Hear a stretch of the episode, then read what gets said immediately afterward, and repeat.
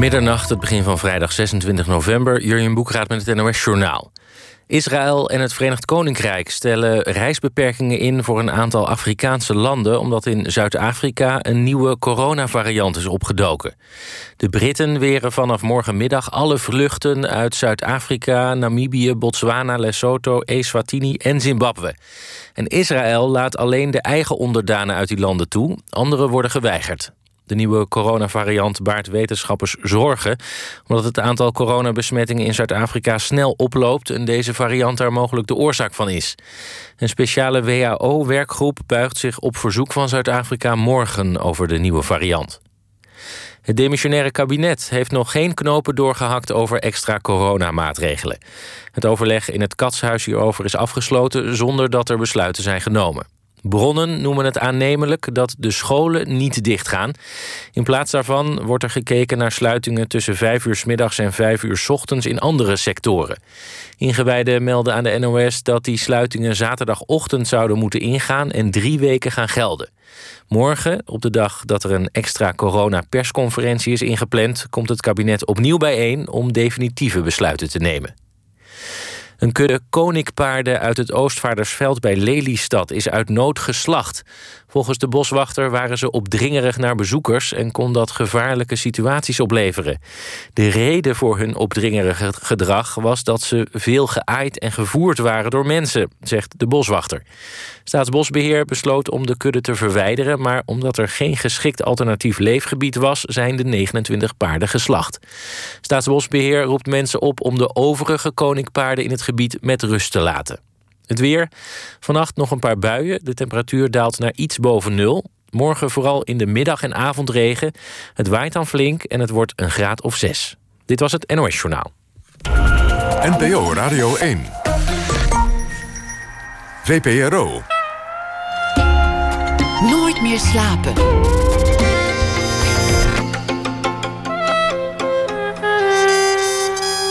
Met Pieter van der Wielen.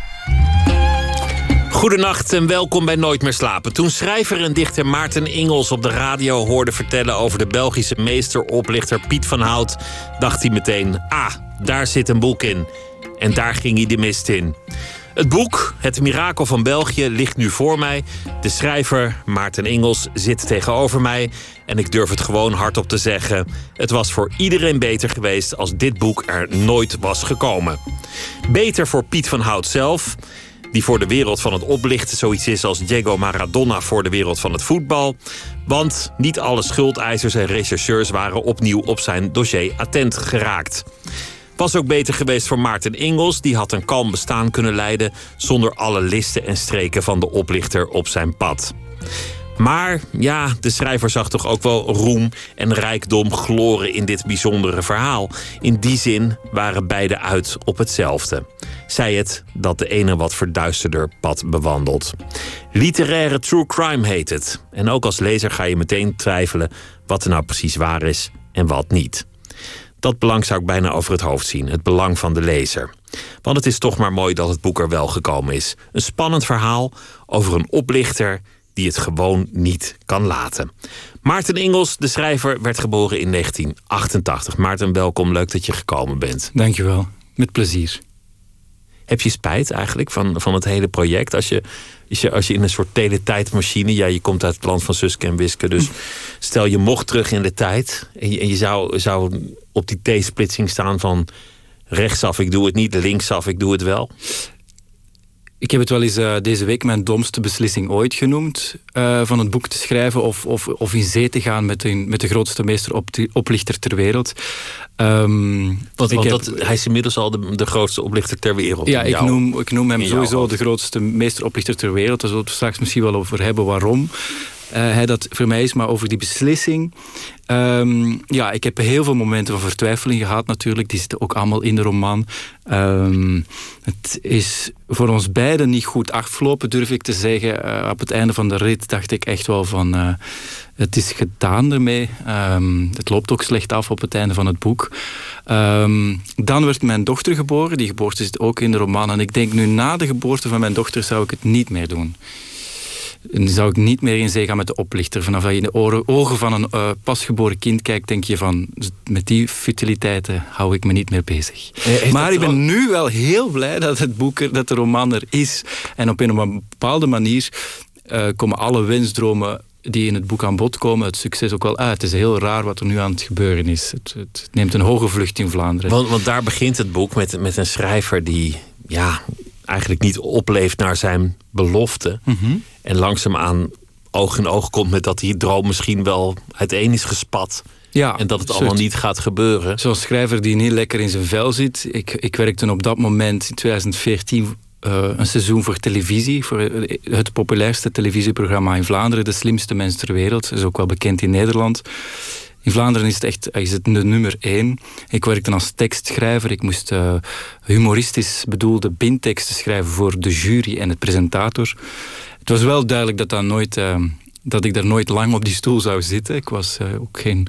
Het was niet het, grootste talent dat ik heb of zo voor die humoristische teksten schrijven. En ook niet omdat ik, het, omdat ik het niet zo fijn vond om te doen. Ik wilde schrijver zijn. Ik wilde dikke boeken schrijven. Uh, dus het zat me niet zo goed. Het zat, zat, zat me een beetje tegen. En op dat moment hoorde ik op de radio een hakkelende stem, een stotterende stem uh, zeggen dat hij de allergrootste meesteroplichter ter wereld was die um, zich voordeed als onder meer procureur-generaal, miljardair, diplomaat, onderzoeksrechter, directeur van Johnson Johnson, noem maar op. Hij nam elke identiteit aan die hem uitkwam, ja. met het grootste gemak. Ja, en um, met een vingerknip veranderde hij niemand anders en uh, op die manier lichtte hij mensen en banken op voor honderdduizenden miljoenen euro's. Uh, hij was al lang bezig, Hoewel hij wel al tien jaar, uh, hij was al tien jaar gestopt, zei hij. Hij was aan het rentenieren. Hij was, hij was uh, sinds de laatste vrijlating uit de gevangenis gestopt met oplichten. Um, maar in die loop der jaren hadden gerechtspsychiaters hem ook onderzocht. En ze hadden hem een IQ, een gemiddeld IQ van, hij zei toen 35 gegeven. Dus, dus niet buitengewoon ja, extreem laag. Ja, dus dat kon al niet. Maar goed, laten we aannemen dat zijn IQ zeer laag werd ingeschat.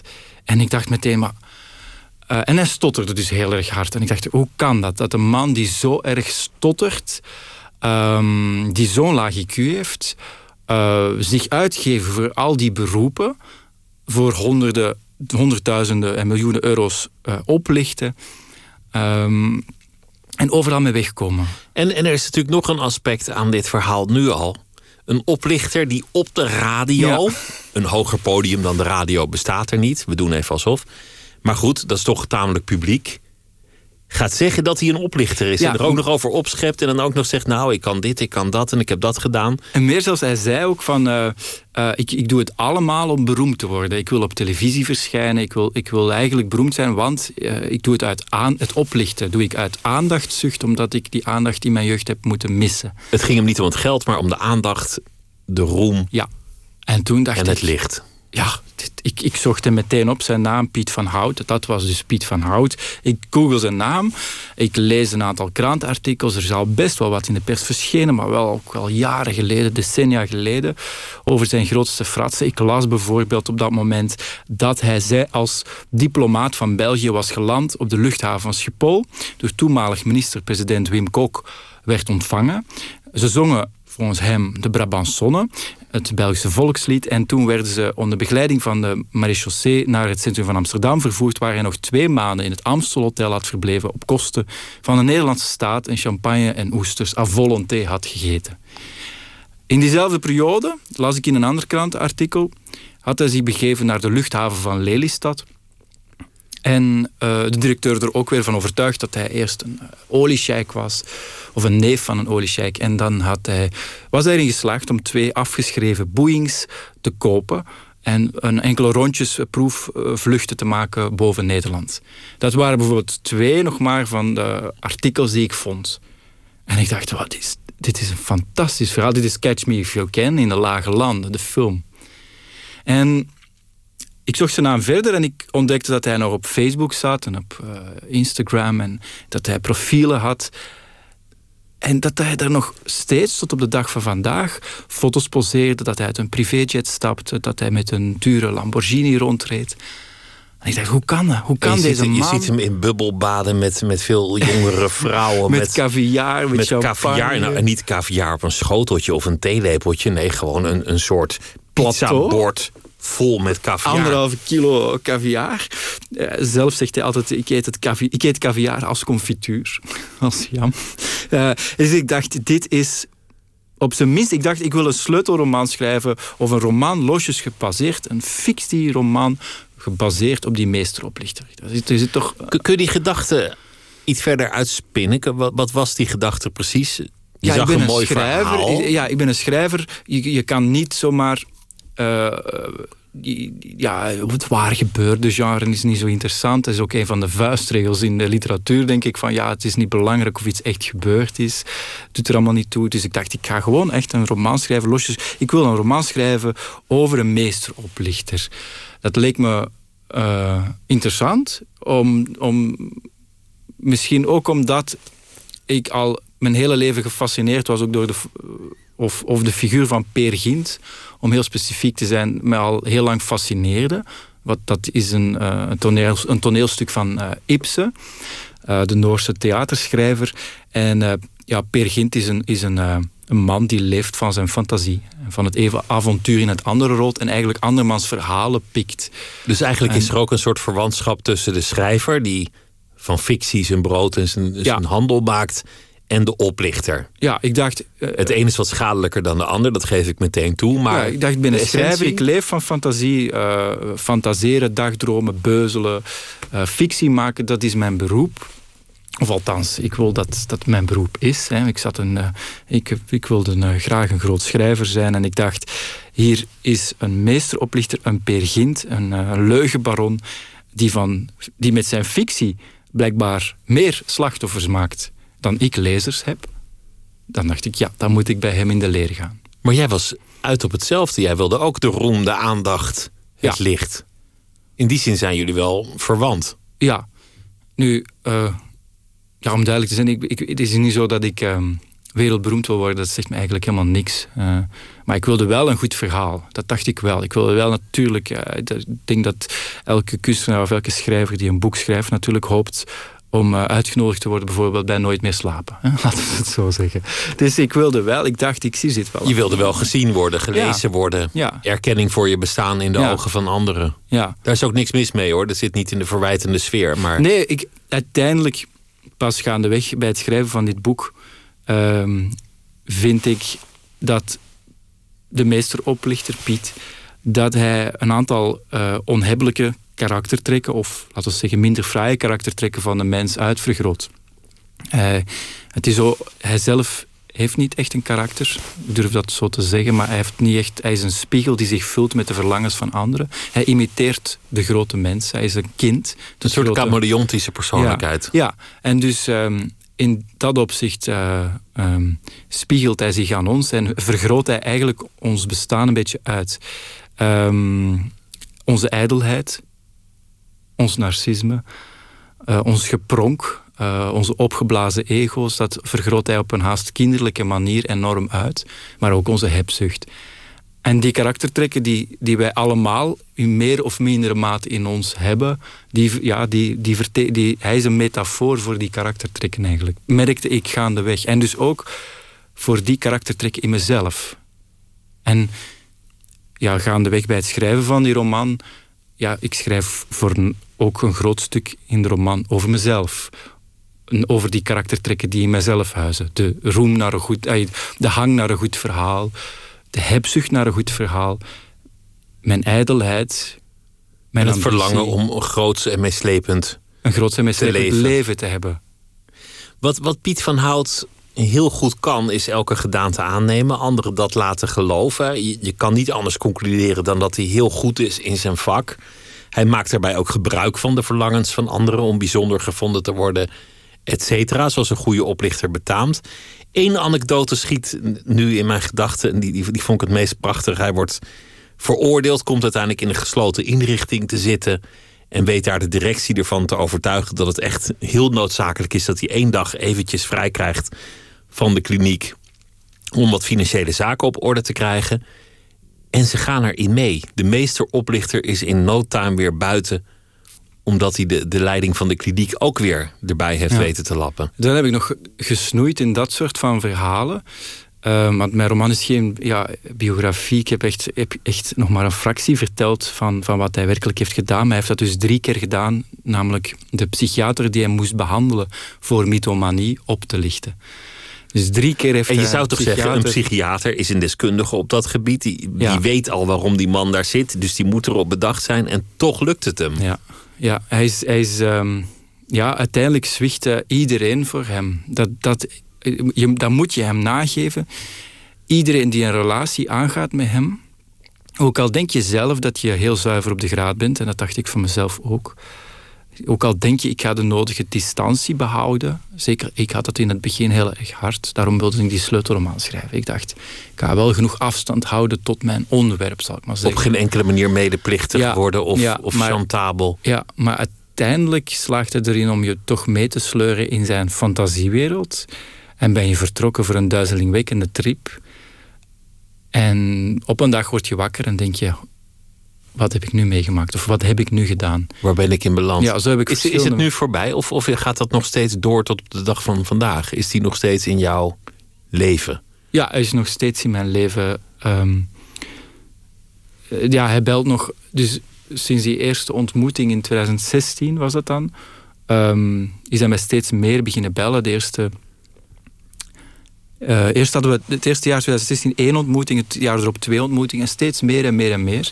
En ook uh, telefoneren, want hij is verslaafd aan telefoneren. Hij heeft meer dan negen telefoons die hij constant uh, afwisselend gebruikt. Hij heeft verschillende telefoonnummers, Nederlandse, Vlaamse, door elkaar.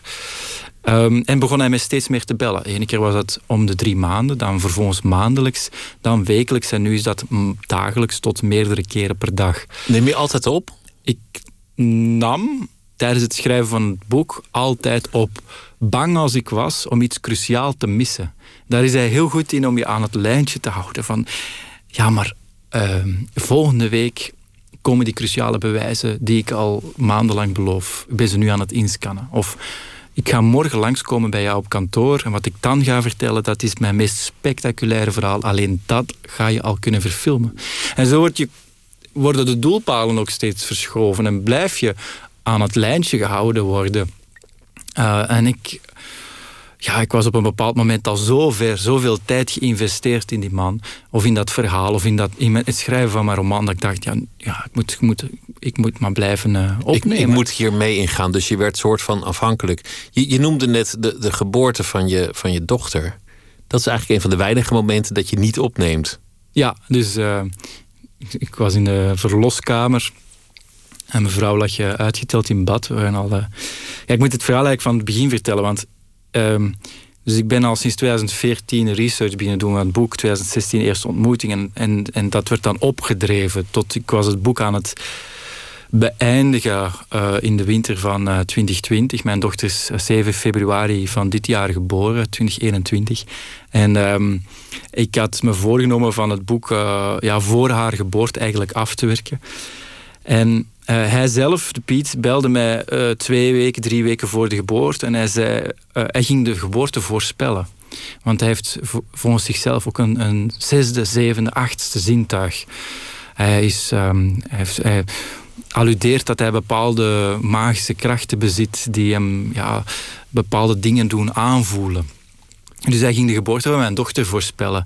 Het ging op een zaterdagnacht gebeuren uh, dat ze ging geboren worden. En toen de weeën van mijn vrouw op vrijdagavond begonnen, flitste de gedachte in mijn hoofd: yes, hij heeft eindelijk eens geen gelijk gekregen omdat hij altijd gelijk kreeg en altijd won. En dan vervolgens duurde de weeën van mijn vrouw nog meer dan 24 uur. Dus mijn dochter toch geboren op een zaterdag. Dat voelde als een bevrijding. Ja, en dan belde hij tijdens die bevalling. Belde hij. Ik heb, dat is het enige moment dat ik heb afgedrukt dat ik niet heb opgenomen. Maar hij was door het dolle heen dat hij nadien vernam dat hij de geboorte correct had voorspeld. Dat het op een zaterdagnacht ging was gebeurd. En dat maakt allemaal, als ik het zo hoor, deel uit van een soort psychologische oorlogvoering die onmiddellijk begint zodra je deze man ontmoet hebt. Ja, vanaf dag één eigenlijk ook al. Um, uh, heb ik probeerde eraan te weerstaan van met hem in zee te gaan om, om, om ook letterlijk over hem te schrijven. Um, werd het een spel kan het niet anders benoemen, een raar soort tango tussen mij en hem. En houdt hij mij eigenlijk sindsdien een soort van uh, psychologische houtgreep. Daar is hij heel erg goed in. En uh, ja, toen, na een tijdje, wist ik van ik moet geen sleutelroman schrijven. Ik moet hier geen verhaal gaan rondverzinnen. Want het, het, wat, er, wat er echt is gebeurd is al gek genoeg.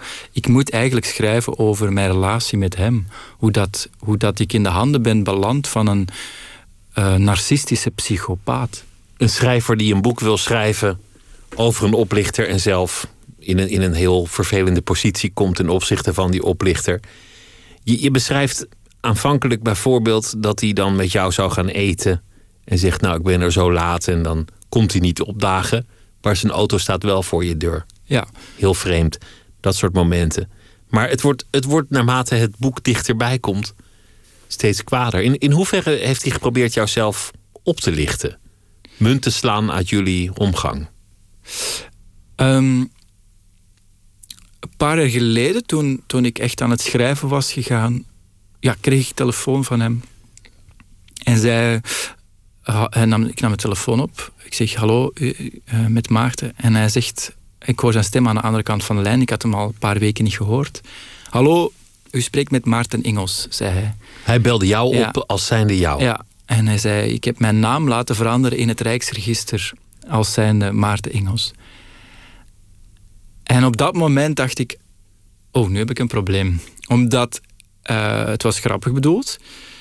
Maar ik had je, al... je nam het meteen serieus. Je dacht niet, ja, dit omdat is ik wist, omdat ik wist, ik had ondertussen al genoeg in dat archief gezeten en gezien wat hij had gedaan. Hij heeft namelijk leningen afgesloten op andere mensen hun naam. Zodat die personen nooit nog uh, bij hun bank terecht konden. Dat heeft hij werkelijk gedaan. Slachtoffers gemaakt door een lening af te sluiten in iemand anders zijn naam. Hij heeft een rechter onschuld, 70 dagen onschuldig de stelling gekregen door het afleggen van valse verklaringen. Hij heeft mensen hun telefoonlijnen laten uh, afsluiten. Door zich voor te doen als dus procureur-generaal, advocaat, weet ik veel, heeft hij, zich, heeft hij andere mensen hun telefoonlijnen laten afsluiten of laten doorschakelen op zijn nummer. Dat, daar is hij in geslaagd verschillende keren. Hij belt mensen op om tot op de komma het saldo van hun bankrekening te zeggen. Dat heb ik verschillende getuigen gehoord. Dat kan hij eerst achterhalen? Dat achterhaalt hij door mensen geld te geven, door zijn connecties. Hij kent duizenden mensen. Hij heeft zichzelf laten ontzijnen in de internationale politiedatabanken toen hij werd gezocht. Dus bij Interpol stond hij gesigned als voortvluchtige. Die moest worden opgepakt bij elke verkeerscontrole. Hoe dan ook, heeft hij zichzelf laten verwijderen uit de databanken door zich voor te doen als procureur-generaal. Om maar aan te geven dat hij tot waanzinnige dingen in staat is. Als hij dan belt om te zeggen: Ik heb mijn naam laten veranderen in Maarten Engels in het Rijksregister. Vanaf dan wist ik. Uh, wat voor gevolgen dat had. Want de dag erop belde hij: Ik zit nu als Maarten Engels in een sterrenzaak te eten. Dat, dat, dat, dat, zegt niks natuurlijk. Maar toen ging wel een belletje rinkelen van wat heeft hij nog allemaal gedaan in mijn naam. En je in hoopt welke... dat, hij, dat hij wel ter plekke betaalt en niet zegt ja, stuur die rekening maar op. wat hij dus ook vroeger heeft gedaan. Rekeningen naar zijn ouders laten sturen voor zijn hotelovernachtingen, voor zijn schoenen, voor zijn kledij, voor zijn eten. Dus ik besefte dat ik nu um, dat ik hem niet meer uit mijn leven kon gummen. En omgekeerd. En dan werd, vanaf dan wordt de toon in het boek natuurlijk steeds uh, grimmiger, kan ik wel zeggen. En spannender, omdat we waren een beetje tot elkaar veroordeeld, onderwerp en schrijver. En hij gaat het ook een beetje als zijn boek zien. Ja. Jij dacht nog dat jij de schrijver was en hij het onderwerp, maar in die verhouding loopt ook van alles ja, dan, dan krijg vrij snel scheef. De keren dat hij bij mij is, laat hij mij bijvoorbeeld meeluisteren. Dan, dan belt hij naar een politiecommissaris, een eremagistraat, een advocaat, andere getuigen. En hij zet die mensen op speaker. En dan kan ik meeluisteren naar hun privégesprekken. En dat doet hij om te laten zien hoe ver zijn macht reikt. Namelijk als je met een hoofdcommissaris van de politie aan het bellen bent en allerlei intieme gegevens kunt bespreken, kan hij laten zien op welke goede voet hij bij justitie en bij de politie en bij de advocatuur staat. Maar ik, een bepaald moment begon ik door te krijgen dat hij dat natuurlijk ook doet met mij. Ik hoorde op een bepaald moment toen hij mij belde dat ik op speaker stond in een restaurant. Dat hij met mensen zat te eten. En ik moest de hele tijd voor hem nadrukkelijk uh, antwoorden dat ik aan een heel dikke biografie over hem bezig was. En toen besefte ik, ah, hij, is, hij me eigenlijk ook overal aan het gebruiken. uh, in gesprekken met andere mensen. Namelijk dat ik voor hem aan een dik boek werkte. Heeft hij, heeft hij geprobeerd om, om bijvoorbeeld een voorschot los te peuteren bij je uitgever? Of alvast iets met de rechten van het boek te doen of, of dat soort dingen? Gaandeweg groeide die paranoia wel. Omdat ik um, jarenlang aan dat boek heb gewerkt. En um, er zit een verhaallijn in de roman.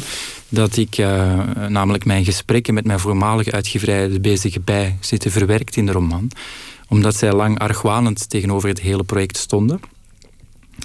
En ik heb ook lang gedacht dat die argwaan kwam omdat Piet contact met hen had opgenomen. Dat had dat zomaar iets, gekund. Dat er iets, mijn paranoia ook, uh, gold ook voor de uitgeverij. Dat ik dacht, hier, die, zij, die argwaan komt omdat er uh, iets is dat ik niet weet. Omdat de meesteroplichter zich aan het moeien is. Achteraf, nu het boek af is, was dat die paranoia, niet ongegrond. Ik kreeg twee weken geleden telefoon van de royalty-afdeling van de Bezige Bij. Met de vraag um, waarom de heer Piet van Hout dat met hen contact had opgenomen om 10.000 euro voorschot terug te vorderen. En ik stond met mijn mond vol tanden. Op dat moment beginnen feit en fictie door elkaar te lopen. Dus de royalty-afdeling van je voormalige uitgeverij wordt dus lastiggevallen door de meesteroplichter die 10.000 euro voorschot, weet ik veel van waar dat er komt, um, gaat terugvorderen. Dus hij deinst voor niets terug. Wat ik ook een mooi contrast vond in, in deze verhaallijn is dat de bezige bij jou toch een beetje aan het lijntje houdt. Durf je niet rechtstreeks te, te vertellen dat ze geen trek meer in het project hebben of dat ze er niet in geloven. En dat doen ze eigenlijk op een manier, ja, waarschijnlijk om jou te sparen. Misschien ook een beetje om uit lafheid, maar die toch aardig op oplichting begint te lijken. Het is in ieder geval een vorm van niet heel erg direct de waarheid zeggen. En, en dat, vond, dat vond ik wel aardig. Dan, dan zit je eigenlijk in al die dubbele bodems van mensen die niet zeggen wat ze menen. Of om de waarheid heen draaien. En zo'n keurige uitgeverij, ja, die valt er eigenlijk toch ook wel een beetje onder. Hoe, zie jij dat? Ja, dat is ook natuurlijk een van de redenen waarom, waarom dat die verhalen erin zitten. Iedereen houdt elkaar in de greep in mijn boek. Ik houd de oplichter in zijn greep, omgekeerd ook. Maar de uitgeverij inderdaad ook mij. Je hebt een afspraak gemaakt voor een roman. Je moet dus iets opleveren. En als dat niet verloopt naar de wensen van de uitgeverij, omdat je bezig bent met een boek dat, waar ze niet een verhaal, een geschift verhaal, waar ze niet in geloven, want dat, geloof was er van het begin niet echt, dan, uh, ja, dat, vind ik het wel een, inderdaad een, uh, een goede opmerking, of, uh, om dat als een vorm van aan het lijntje gehouden te worden. Hè? Uh, of dat getuigt natuurlijk van veel vertrouwen, van het komt misschien ooit wel goed, tot op een bepaald moment. Ja, de, de, snaar uh, springt en het uh, niet meer goed komt. Dus het, aan het einde van het boek, ik ga niet te veel spoilers weggeven, maar uh, loopt het natuurlijk niet goed af. Nee, en je kunt eigenlijk ook zien dat staat namelijk al meteen op de kaf dat het niet bij de bezige bij is uitgegeven. Nee, dus dus ik wist heel, meteen. Het is met heel veel enthousiasme. Deze lijn loopt niet goed af. Met heel veel enthousiasme ben ik uh, bij Das Macht terechtgekomen. En daar, uh, ik moet wel zeggen dat het daar uh, uitstekend past of zo. Dus, het voelt een beetje wel als thuiskomen dat mijn werk daar een plek krijgt. Voor, voor wie net de radio heeft gevonden onder een stapel uh, vieze was. Maarten de Ingels die zit tegenover mij. heeft een boek geschreven, Het Mirakel van België. Over de Vlaamse meesteroplichter Piet van Hout. De, de vraag blijft toch een beetje: waarom zou een oplichter meewerken aan een boek? We hadden het er al over dat hij op de radio opschept over zijn vele misdaden. Strafrechtelijk leek het allemaal net een beetje rustig in zijn bestaan. Er werd niet enorm gerechercheerd op zijn dossier. Maar het komt nu echt van hem dat het allemaal weer in het licht is komen te staan. Je zou zeggen, het is de laatst verstandige keuze die je kunt maken als oplichter om, om het allemaal zwart op wit in een boek te laten verschijnen. De, slachtoffers, justitie, ze zijn allemaal weer wakker. Ja, ja ik heb in het boek, in het begin van het boek, um, zeg ik eigenlijk van, uh, schrijf ik van ja, ik heb zijn advocaat een bericht gestuurd, want ik wil contact opzoeken met hem. En dat lukt niet. De advocaat raadt mij dat af. Het is beter dat die man blijft slapen, dat het dossier gesloten blijft. Die advocaat dient wel zijn belang. Ja, maar door mijn mailtje, of door mijn vraag, schrijf ik, heb ik de slapende draak wakker gemaakt. En dat is eigenlijk wel zo. Door, dat ene, door die ene vraag van mij, een boek, ik wil denk ik misschien een boek baseren, vluchtig op jouw leven. Uh, bereikte mij na enkele maanden een telefoontje. Uh, of na enige tijd een telefoontje van... Uh, ja, je, je moet afspreken, wij moeten afspreken. Want zo'n verhaal als het mijne is een verhaal uit de duizenden. En, ehm, en nu kan ik zoveel jaren later zeggen dat die draak uh, alive en kicking uh, is. En, um, dus, rond... dus zijn oplichterij is misschien ook wel weer nieuw leven ingeblazen door jouw aandacht? Dat is een vraag die ik me ook stel in de roman. Hè. Die gaandeweg. Um, dus op een bepaald moment uh, breekt corona aan. En dat was in april 2020. Dat hij, je moet begrijpen dat die man geen vaste verblijfplaats heeft. Dus hij leeft constant op hotel. Dus elke nacht slaapt hij in een ander hotel onder een andere naam. Hij leeft uit zijn koffers. Hij wisselt wekelijks of dagelijks van auto. Dus hij is constant uh, reist hij ook met vliegtuigen de wereld rond. Dan vliegt hij naar Gran Canaria. Hij wacht tot het vliegtuig is gestofzuigd en hij keert meteen terug. Hij is constant onderweg. Zo'n man die alle dagen op hotel slaapt, rondvliegt, restaurants eet. Als dan corona uitbreekt breekt en de wereld is gesloten, verveelde hij zich kapot. En op dat moment, uit verveling wellicht, neemt hij mij mee op sleeptouw. En we gaan naar Amsterdam, Schiphol, 30 april 2020. Geen enkele vlucht op Schiphol te bekennen. De luchthaven was volledig afgesloten met rood-wit lint. Uh, het, leek, wel een rampenfilm. En van dat punt heeft hij mij meegenomen uh, op een trip door zijn interne keuken, zal ik maar zeggen. Hij begon allerlei misdaden op te sommen die hij de afgelopen tien jaar heeft begaan. En die voornamelijk in Nederland waren, in Amsterdam of in Nederland te koer. Uh, en gaf hij mij eigenlijk een uniek inzicht in hoe hij te werk ging. Dan liepen we uh, aan een gracht in Amsterdam. Deed hij zijn witte laboratoriumjas aan en sprak hij een Nederlandse dame aan en zei: Hallo, ja, ik ben de directeur van Johnson Johnson, België, het filiaal in België. Uh, en ze ontspint zich een gesprekje. En, die, en, die, en Piet zegt plots: Ja, uh, ik sponsor natuurlijk ook heel veel goede doelen. U heeft blijkbaar een zaak, die vrouw had een zaak in Bloemen. Uh, ik sponsor heel vaak goede doelen. Hoeveel moet u hebben? 50.000, 100.000?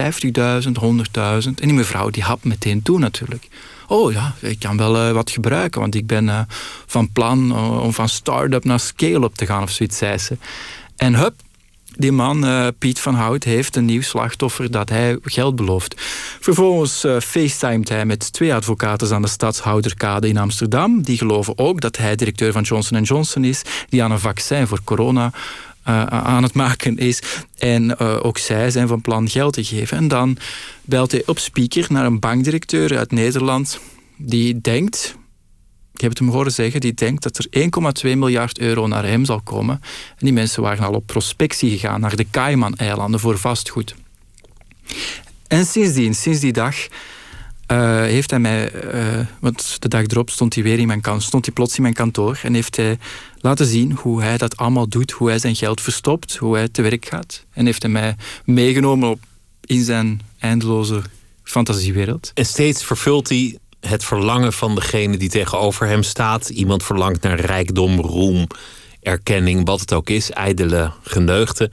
En hij ja, komt daar als de belofte dat leven binnen. Ja.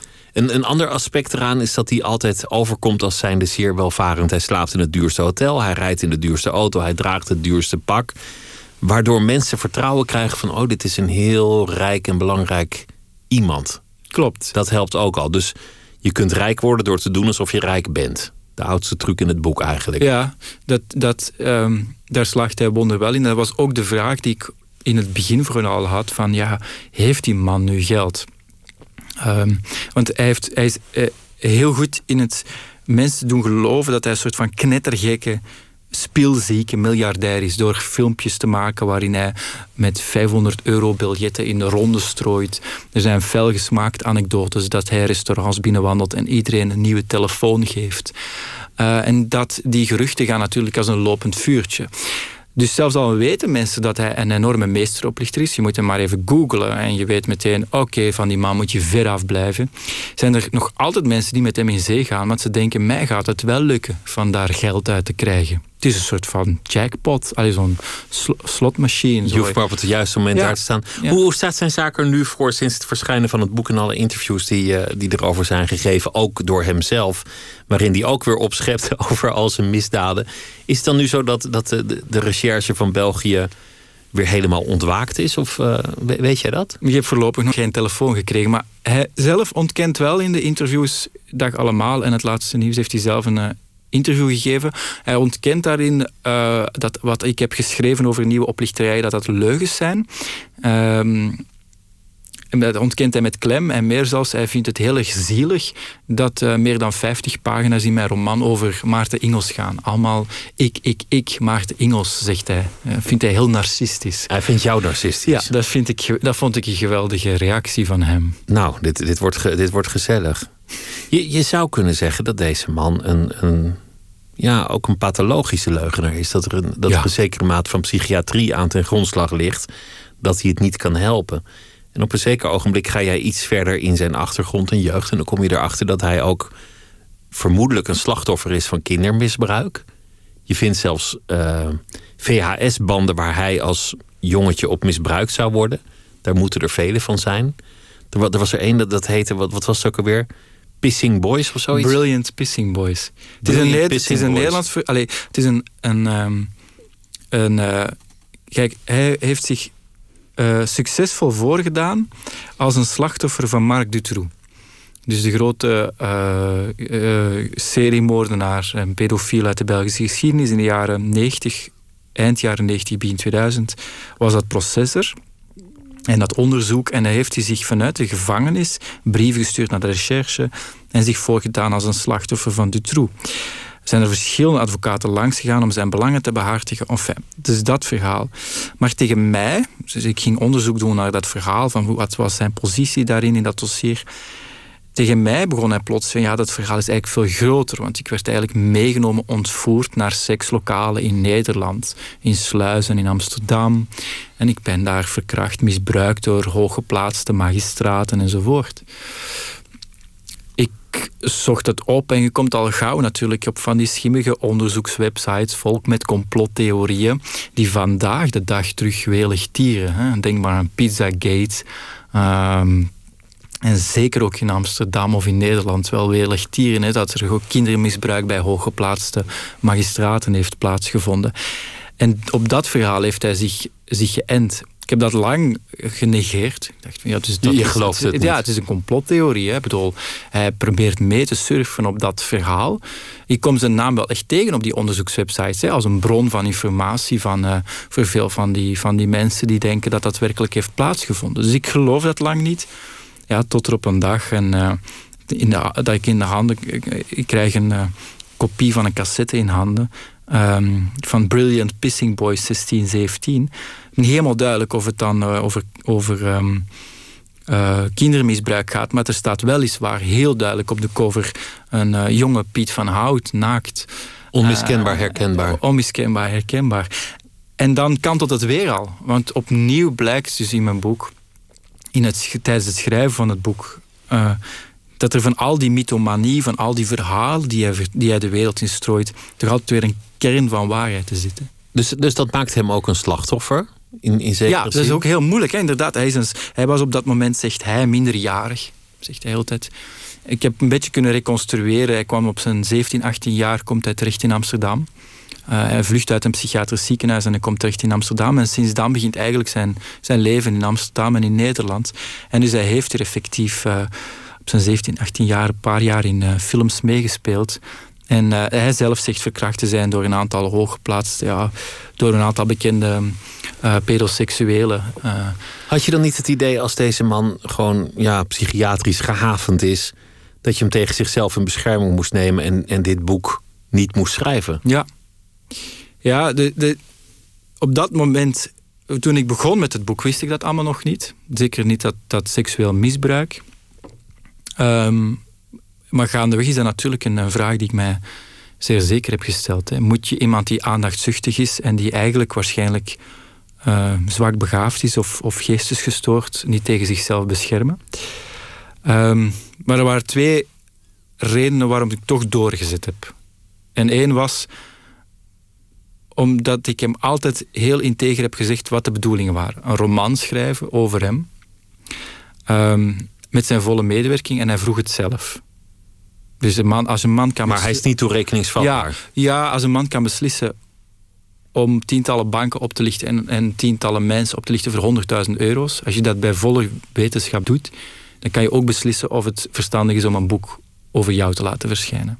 Dat was mijn redenering. Ik snap hem.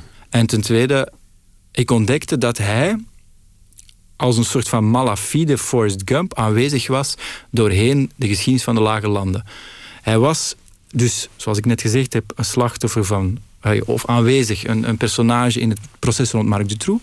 Hij is, uh, wordt genoemd in een dossier rond Lernout en Houspie, een, groot fraude, een grote fraudezaak in België. Hij is betrokken bij de moord, een 30 jaar oude moord op een jonge vrouw uit Knokke. Hij is dus betrokken in een kindernetwerk in uh, Amsterdam. Hij staat op de foto bij Miss Belgium Beauty 1997 als een geheimzinnige sponsor. Hij heeft tientallen advocaten ontmoet. Hij staat op de foto met ministers, misdadigers. Astrid Holleder is in de cel bij hem geweest. Hij is echt een Forrest Gump die overal. Alles waar iets mis was in de geschiedenis van België of Nederland, van de bende van Nijvel, Marc Dutroux, corruptieschandalen, uh, de grote onderwereld. Hij zal ergens in de hoek van de foto opduiken. Voilà. En dat maakt hem dus tot een soort van publieke figuur, weliswaar een voetnoot in de geschiedenis. En dat rechtvaardigde voor mij, oké, ja, hoe, hoe kan dat ook? Hoe kan zo iemand als die malafide Forrest Gump, een grote meesteroplichter, al zo'n heel leven lang ehm, door de mazen van het net glippen en toch overal iedereen bedotten? Het zegt ook iets over België, het zegt iets over Nederland, het zegt iets over de samenleving, over de mensheid. Al die verlangens van mensen die leiden uiteindelijk tot hun val. De, de zucht naar rijkdom, roem, de ijdelheid. Maar er is ook iets geks aan de hand. Als je sept op televisie, dan zie je op, op de meeste commerciële kanalen wel een soort ontmaskeringsprogramma. waarin een oplichter tegen de lamp moet lopen. Aan de andere kant hebben we ook politici die openlijk liegen. En zich daar niet voor schamen. en die winnen alleen maar aan populariteit daardoor. We hadden het over jouw uitgever die jou niet durft te vertellen dat ze niks meer in het boek zien. En dat doen met leugentjes in de hoop dat jij zelf dan uiteindelijk afhaakt. Dat is een heel milde vorm van liegen. Maar het verschil tussen de oplichter en de niet-oplichter is eigenlijk niet zo, niet zo bijster groot. In essentie. Ik bedoel, dit gaat heel ver natuurlijk wat hij heeft gedaan. En daar zie ik de meeste mensen niet toe in staat. Maar het liegen, het bedriegen, het hopen er beter van te worden, dat lijkt gewoon standaard.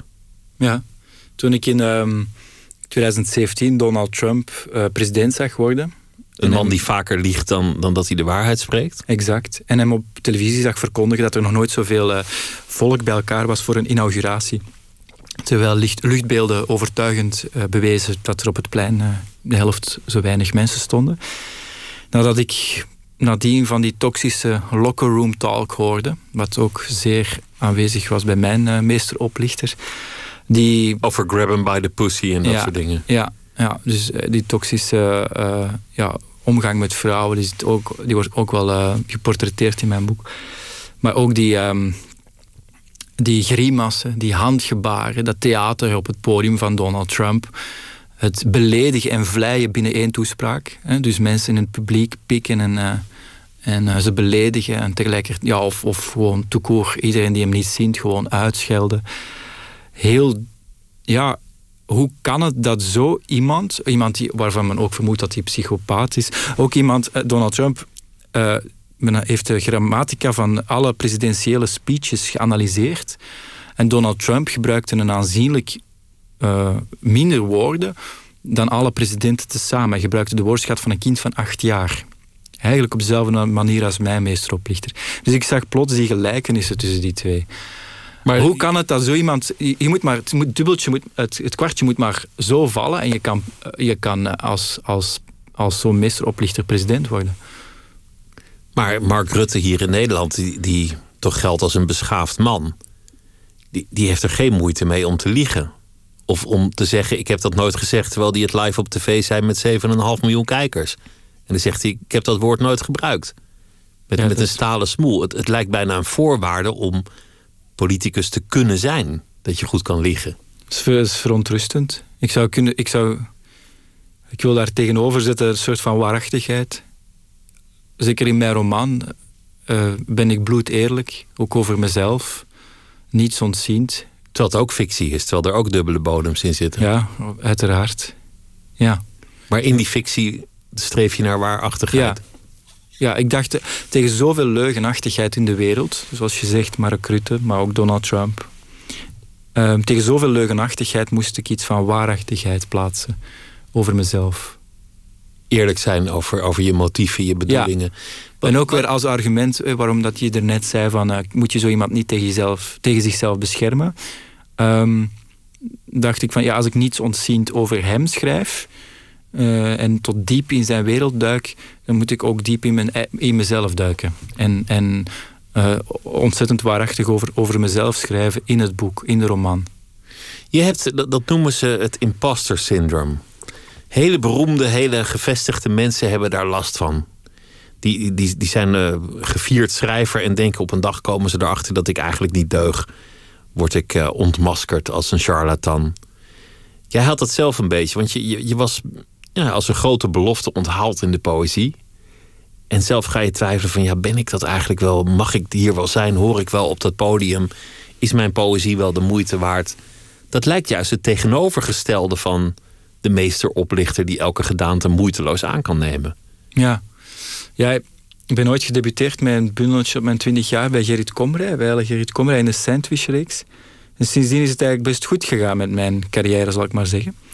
Maar ehm, ja, in 2014, die periode dat ik dus aan dit boek begon, werd ik uh, door bepaalde mensen een poseur genoemd of iemand die niet kon schrijven.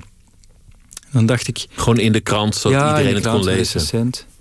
En dacht ik, dat is wel interessant. Allee, dat deed pijn uiteraard, die woorden. Maar ik dacht, oké, toen, en toen ontmoette ik dus de meesteroplichter. Iemand van wie het water, ah, het water als, een, van een eend wegleidt, die kritiek. Um, Terwijl jij er onder, onder hij is, lijden had. Ja, hij is, hij is een, hij is een uh, uberposeur. Ik ben, ik ben dat volgens mij niet. Je bent juist de anti-poseur in zekere zin. In het boek iemand, iemand schreef ook dat hij je poëzie niet graag las... omdat hij jou gewoon bloedirritant vond. Ja. En, en nou geloof ik echt dat dat heel vaak een rol speelt in allerlei recensies. Maar ik heb toch zelden meegemaakt dat het ook gewoon zo op het papier wordt neergekwakt. Ja.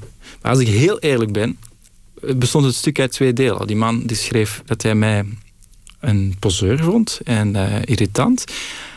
Maar dan in de tweede helft van het stuk bekende hij dat hij sinds mijn publicatie van uh, Contact, mijn laatste boek met uh, poëzie en beelden, uh, dat ontstaan is tijdens mijn stadsdichterschap van Antwerpen, dat hij dat fantastisch vond en helemaal overstag was gegaan voor mijn werk. Dus dat was eigenlijk een opmaatje naar een compliment. Ja, dus het tweede deel heb ik dan even weggehaald voor de fictie.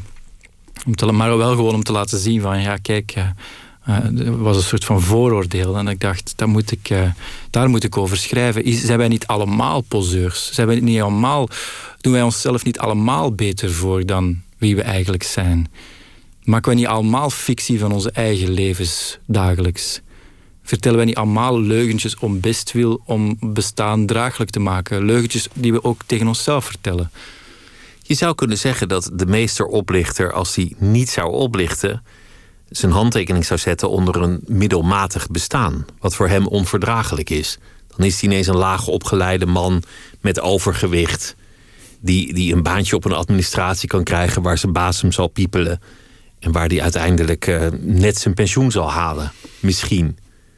Hetzelfde geldt voor, voor al die schrijvers die niet verkopen, die, die met, uh, zoals jij in het begin, 1500 bundels moeten rondkomen. 1500 verkochte bundels. Of hoeveel waren het er precies? Ja, zoiets. Dat zijn de oplages die ik had. Met Mirakel van België blijkbaar niet meer, uh, merken we deze week. Maar uh, ja, in die periode wel. Maar goed, een, een, schrijver die toegeeft het is niet gelukt... Die, die zal opteren voor een bestaan op een administratie... waarbij die niet meer bijzonder is. Niet meer in het licht staat, niet meer geïnterviewd wordt. Waarbij mensen niet zeggen, nou ik ken een jongen, dat is een dichter. Toch interessant, een dichter ze, moet, ze moeten dan gewoon zich voegen in, in de grijze meute. En dat is onverdraaglijk. Mensen hebben er oneindig veel voor over om bijzonder te blijven. En dat recht hebben ze ook. Ik vind dat, dat, dat is uiteraard ook waarom ik zo gefascineerd was door hem, of gecharmeerd. Hij leidde, hij leidt een sprankelend leven waar de champagne uit de flessen spuit. hij met een kilo caviar in bad zit. Die eerste ontmoeting toonde hij met foto's van zichzelf in het Ritz Hotel in Parijs.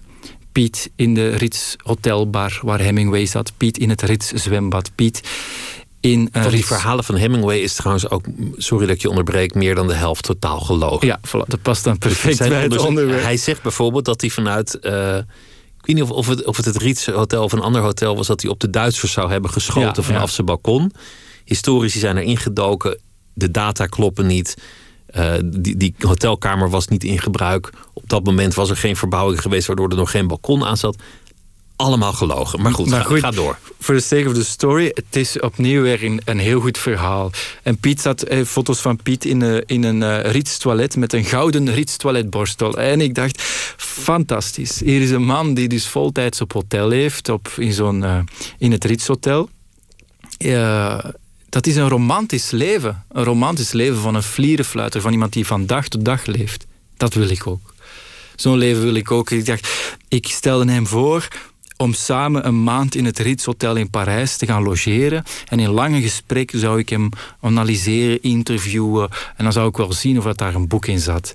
En dan kon hij meteen bewijzen over al dat geld te beschikken dat hij beweerde te bezitten. Want een, een maand in het Ritz Hotel, dat, eh, of nog, zelfs nog maar het bezemhok van het Ritz Hotel, dat kost meer dan het drievoudige of het dertigvoudige van wat ik op jaarbasis bij elkaar scharrelde. Dus die verlokking, die, die openbaarde zich voor je? Ja, dat is een romantisch leven, het romantische leven van een dichter in het Ritz Hotel in Parijs. Het is er nooit van gekomen. Ik ben nooit met hem in het Ritz geweest. Nou zijn er een hoop mensen met wie ik in het Ritz Hotel in Parijs zou willen zitten, maar met, met, een, met, met een obese Vlaamse oplichter, ja, dan, dan zit ik toch liever in een, in een Guy de Charme hotelletje met twee sterren voor 50 euro per nacht. Ja. Met iemand anders.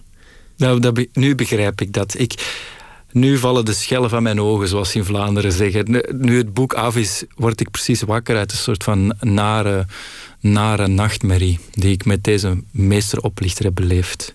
Is het desalniettemin niet waar wat je net zei, dat, dat de fictie de waarheid voor, vooruit gaat?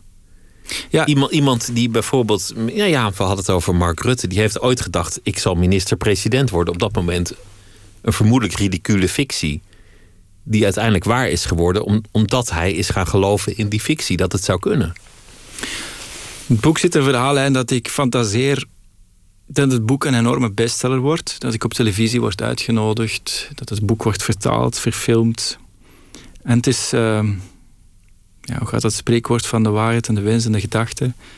Je kan, als, je, als je, zoals Mark Rutte voorneemt van ik word op een dag minister-president, dan kan je jezelf ook voornemen ik word op een dag een fantastisch groot schrijver. Daar zit, dat, dat, dat uh, uh, misschien is dat ook wel een, uh, een vertrekpunt geweest van het boek. Dat vind ik nog wel interessant. uiteindelijk in het boek blijkt, ja, is, is het de vraag, het is een roman. Wat, wat is fictie? Wat is er echt gebeurd? Weten wij eigenlijk nog wel wat waar gebeurd is? Is ons geheugen wel in staat om, om feit en fictie te scheiden? Ja, ik schrijf over herinneringen die niet hebben plaatsgevonden of in het verkeerde jaar hebben plaatsgevonden. In die autofictionele stukken in de roman heb ik natuurlijk ook geknipt en geplakt. En de werkelijkheid een beetje fraaier gemonteerd. Ook in mijn ontmoetingen met hem dit is geen journalistiek werkstuk, dit is geen biografie. Het is een roman. Fictie. Ik heb wraak genomen op de meesteroplichter met fictie. Het is een roman geworden. Wraak genomen op de meesteroplichter. Je hebt hem, je hebt hem een koekje van eigen deeg gegeven. Een fictieve werker ja, tegenover Hij riep de hele tijd tegen mij van... je moet non-fictie maken. Alles wat ik heb meegemaakt is waar gebeurd. Is echt gebeurd. Dus moet je, het moet non-fictie zijn. Maar ik ben blijven volhouden. Het moet een roman zijn. Ik moet hier fictie van maken. En dat is me uiteindelijk wel gelukt. Het is een roman geworden de uiteindelijke vraag is: wat, wat, wat is nou een groot en meeslepend leven? Is, is dat wel wat het lijkt? Zelfs al slaap je in het Ritz-hotel, zelfs al eet je caviar met een hele grote lepel, zoveel dat het aan je mondhoeken blijft plakken. Zelfs, zelfs al drink je champagne alsof het bronwater is, lig je in een bubbelbad met zes veel te jonge vrouwen. Heb je dan een groot en mislepend leven geleid? Is, is, is dat het groot en mislepend leven? Of zit dat in iets heel anders? Exact, daarom ben ik blij dat, uh, dat ik die geboorte van mijn dochter nog in, het, uh, in de roman heb kunnen verwerken, helemaal aan het einde. Omdat als je in de ogen van uw kind kijkt en dan besefte ik van waar ben ik al die jaren mee bezig geweest? Hoe um, in werkelijkheid. Wat joeg ik eigenlijk na? Ja, ik, in de maanden na de geboorte was ik het, de roman aan het afwerken. Al, ik bedoel, dat was het al af, maar was ik het aan het herschrijven. En um, ja, dan begin je toch te beseffen van dit boek had ik niet kunnen schrijven of niet kunnen beginnen schrijven na haar geboorte, denk ik. ik, ik Want toen ging je leven al over wezenlijke dingen. Ja, ja. Dus je verandert ook. Eh, ik ben vrij vroeg of lang geleden aan dit boek begonnen. Dus je verandert ook wel als mens of als kunstenaar doorheen de jaren. Het doet me denken aan de Griekse filosoof die, die opschepte in de straten van het oude Athene. Zei: Ik heb alle rijkdom die, die er is op de wereld in mijn huis. Willen jullie komen kijken? En toen kwamen ze naar binnen en toen zagen ze alleen maar, geloof ik, een plant en een matje. En die mensen werden kwaad en die sloegen hem in elkaar. Maar wat hij probeerde te zeggen is: alles wat je verlangt, moet je in jezelf zoeken. En niet daarbuiten. Je moet niet dat soort glinsteringen najagen. Want, want het zal altijd onbevredigend blijven. Hij zelf um, zal dat ook moeten beamen. Zelf vergaart hij geen geld, hij houdt het niet bij, geeft het onmiddellijk uit. Maar hij is fundamenteel eenzaam. Dit is een man die nu um, in zijn Saab Cabrio met een kapot achterlicht over Vlaamse en Nederlandse snelwegen scheurt en zijn nachten doorbrengt in baanhotelletjes met uh, eh, 50 boeken van het Mirakel van België in zijn kofferbak en een stel posters op de achterbank om overal zijn boek aan de man te brengen. Zijn boek, maar het is eigenlijk mijn roman. Iemand die fundamenteel eenzaam is. Ja. Heb, je, heb je nog iets gehoord van de slachtoffers? In het boek zit een verhaallijn over um, een reclamedrukker. Op een dag kreeg ik telefoon van een reclamedrukker die. Uh, Piet had achter mijn rug mijn manuscript verkocht aan een reclamedrukker die normaal gezien een huis-aan-huis blaadje maakt. En die man die zou mijn boek op 100.000 exemplaren drukken. En de winst was voor hem. Die man heeft heel veel geld verloren aan, aan Piet de afgelopen jaren. En met hem heb ik al een uh, regelmatig contact. En ik heb ook een beetje medelijden met hem. Dat het niet echt jouw probleem is, maar... Nee, maar wij hebben de afgelopen, ja, afgelopen twee jaar nauw samengewerkt in het delen van informatie. Of op een duur was het een soort van geheimzinnige puzzel voor ingewijd die wil bij elkaar proberen te puzzelen van waar is de meesteroplichter, in welk hotel verblijft hij vannacht, uh, van waar komt zijn geld, is hij nog nieuwe mensen aan het oplichten als ik er nu naar kijk, lijkt het heel erg dom. Maar het is een soort van complottheorie waar we zelf aan aan het puzzelen waren. Um, maar eigenlijk was het ook vanuit een idee van die man is, is... Hij probeerde zijn geld terug te krijgen. En ik was gewoon een goed verhaal bij elkaar aan het puzzelen. En ook wij twee hebben elkaar geholpen, maar hielden elkaar ook wel een beetje in de greep. Met hem heb ik nog contact.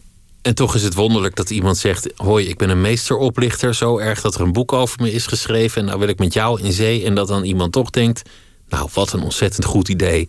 Laten we dat doen. Ik, ik wil niet de slachtoffers nog een duw nageven. Maar een zekere naïviteit moet je toch wel vermoeden. Ja,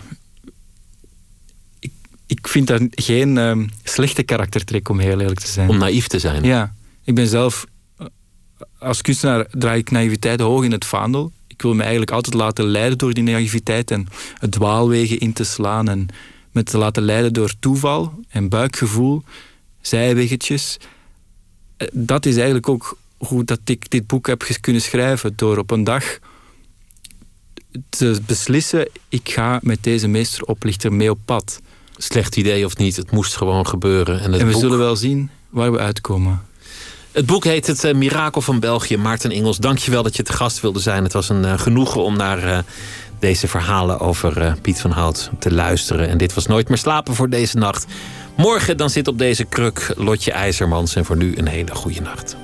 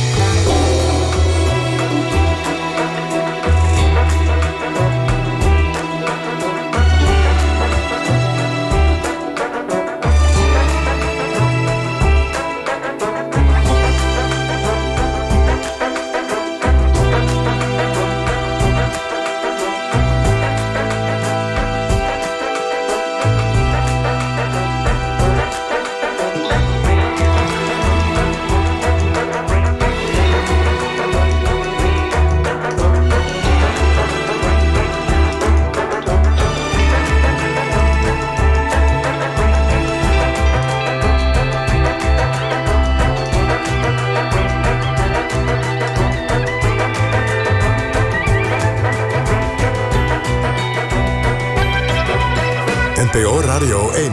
Wie luistert, weet meer. NPO Radio 1.